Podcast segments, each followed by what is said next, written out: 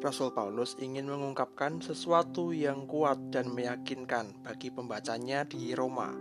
Rasul Paulus mengungkapkan bahwa pelayanan yang dilakukannya memiliki dasar yang kuat dan jelas di dalam Yesus Kristus.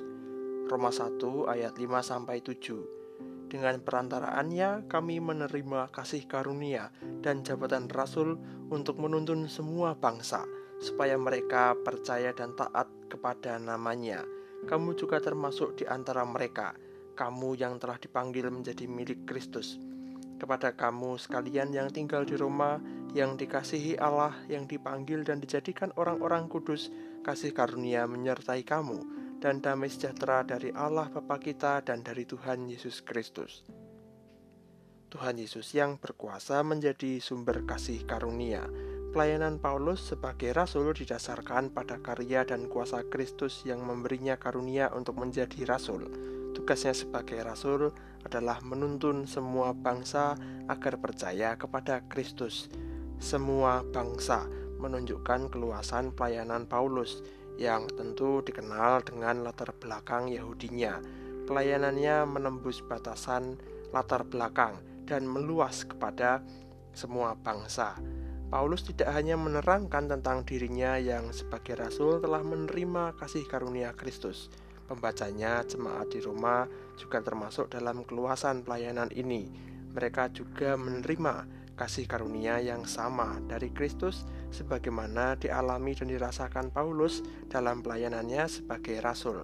Sebagaimana Paulus dipanggil dalam kasih karunia dan menjadi milik Kristus, demikian juga jemaat telah dipanggil dalam kasih karunia dan menjadi milik Kristus.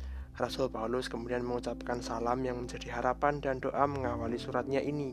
Rasul Paulus menyebut jemaat sebagai yang dikasihi Allah, yang dipanggil dan dijadikan orang-orang kudus. Artinya bahwa jemaat oleh karena karya dan kehendak Allah telah dikhususkan menjadi milik Allah. Kepada mereka, doa dan harapan itu adalah agar kasih karunia Allah menyertai mereka. Demi sejahtera dari Allah Bapa kita dan dari Tuhan Yesus Kristus, sumber damai sejahtera. Allah Bapa dan Tuhan Yesus Kristus nampaknya digunakan berbeda oleh Paulus, tapi hakikatnya adalah satu dan sama.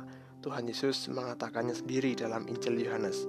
Dengan demikian, kuasa dan karunia yang manusia terima berasal dari satu yang maha kuasa, Allah Bapa dan Tuhan Yesus Kristus yang esa. Dari pembukaan surat Roma ini kita diingatkan bahwa kita adalah umat Allah yang hidup dalam kasih karunia-Nya. Kita telah dipanggil untuk menjadi milik Kristus. Hiduplah dalam iman yang teguh karena Allah Bapa di dalam Tuhan Yesus Kristus telah memberikan kasih karunia-Nya bagi kita.